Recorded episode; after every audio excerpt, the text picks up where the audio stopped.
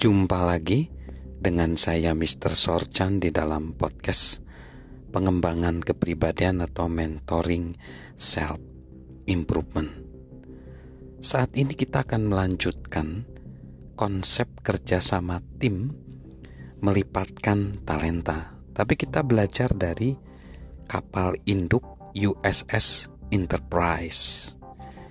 Dan di segmen sebelumnya bagaimana kerjasama tim terbentuk ketika harus meluncurkan pesawat jet Hornet. Nah, bagaimana proses peluncuran pesawat jet tersebut? Mayor Angkatan Laut Ryan Smith sebagai perwira divisi V2 menjelaskan prosesnya. Beberapa jam sebelum pesawat jet bergerak perlahan menuju katapel ketepel pesawat untuk peluncuran, pesawat jet itu diperiksa dengan seksama oleh tim mekanik dan teknisi dari skuadron pesawat. Sementara pilot diberi pengarahan mengenai misi termasuk cuaca, informasi target, prosedur radio, dan informasi navigasi. Seluruhnya disusun oleh tim kelasi. Pesawat juga sedang menjalani proses persiapan yang sangat teliti. Rutinitas sebelum terbang tersebut berakhir ketika pilot telah meninjau catatan pemeliharaan pesawat dan memeriksa pesawat sebelum terbang. Tepat setengah jam sebelum peluncuran pesawat, urutan langkah spesifik dimulai dengan penuh presisi. Petugas kapal induk meminta mesin dinyalakan suatu tes untuk memastikan bahwa jet layak terbang. Sementara pilot melanjutkan pengecekan sebelum peluncuran. Kapten pesawat jet mendengarkan bunyi mesin dan menyaksikan gerakan setiap permukaan alat kontrol ketika pilot melakukan pengecekannya. Begitu ditentukan bahwa semuanya baik, pesawat kemudian diisi bahan bakar oleh kru dari divisi bahan bakar. Sementara itu, perwira pemeliharaan pesawat duduk di geladak kontrol dan menggunakan model simulasi dari geladak penerbangan dengan model skala pesawat untuk melacak semuanya. Yang meninjau rencana urutan peluncuran dengan deck collar. Perwira pemeliharaan pesawat meradiokan decoller untuk memberitahukan pesawat mana yang dilaporkan sehat dan siap digerakkan perlahan.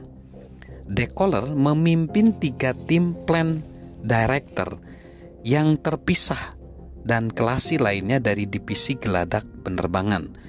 Setiap tim bertanggung jawab atas bidang berbeda geladak penerbangan tim-tim ini memastikan bahwa setiap pesawat yang bakal diluncurkan dapat dilepaskan dengan aman, diarahkan dari sekeliling pesawat lainnya, sering kali berjarak beberapa sentimeter saja, dan menunggu antrean untuk diluncurkan. Sesekali, saat geladak kapal induk terempas dan oleng, ketika dekoler dekoler mendapat berita dari perwira pemeliharaan pesawat, ia memimpin plan director untuk mendistribusikan pesawat di antara empat ketepel pesawat yang mempermudah pemberangkatan tercepat seluruh pesawat dari geladak penerbangan.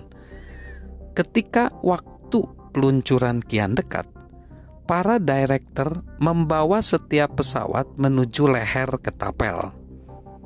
Kemudian deflektor peluncuran jet ditingkatkan begitu pesawat bergerak perlahan.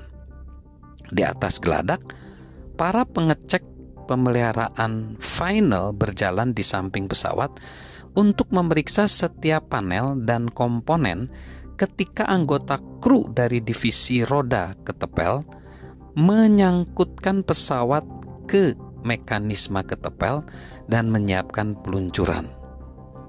Di bawah geladak, tim-tim lain menggunakan hidrolika dan perlengkapan lainnya untuk mengendalikan uap dari reaktor nuklir yang akan digunakan untuk menggerakkan ketepel pesawat.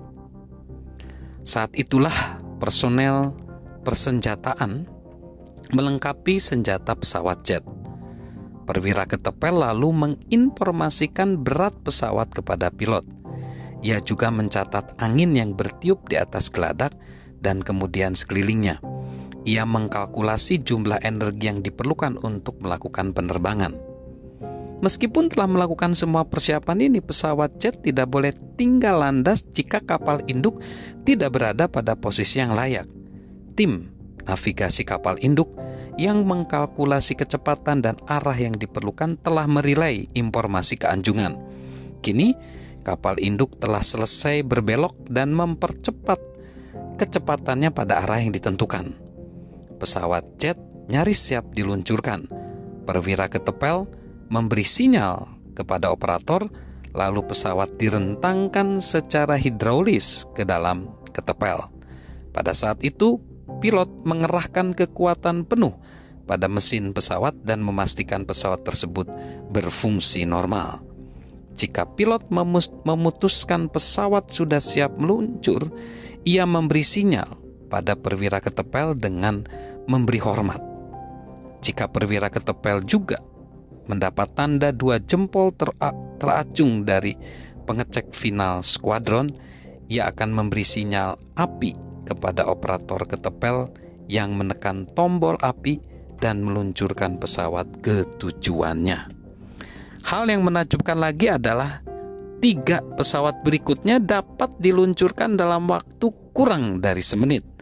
Setiap pesawat sudah menjalani prosedur serupa, dan dalam hitungan menit geladak penerbangan itu dapat dipersiapkan menerima pendaratan pesawat sambil satu pesawat sedang menjalani pemeriksaan final seperti gambaran yang telah dijelaskan di atas. Wow, kerjasama tim banyak diperlukan di dalam menerbangkan pesawat jet dari kapal induk USS Enterprise. Itulah gambaran bagaimana kerjasama tim diperlukan untuk melipat gandakan talenta kita.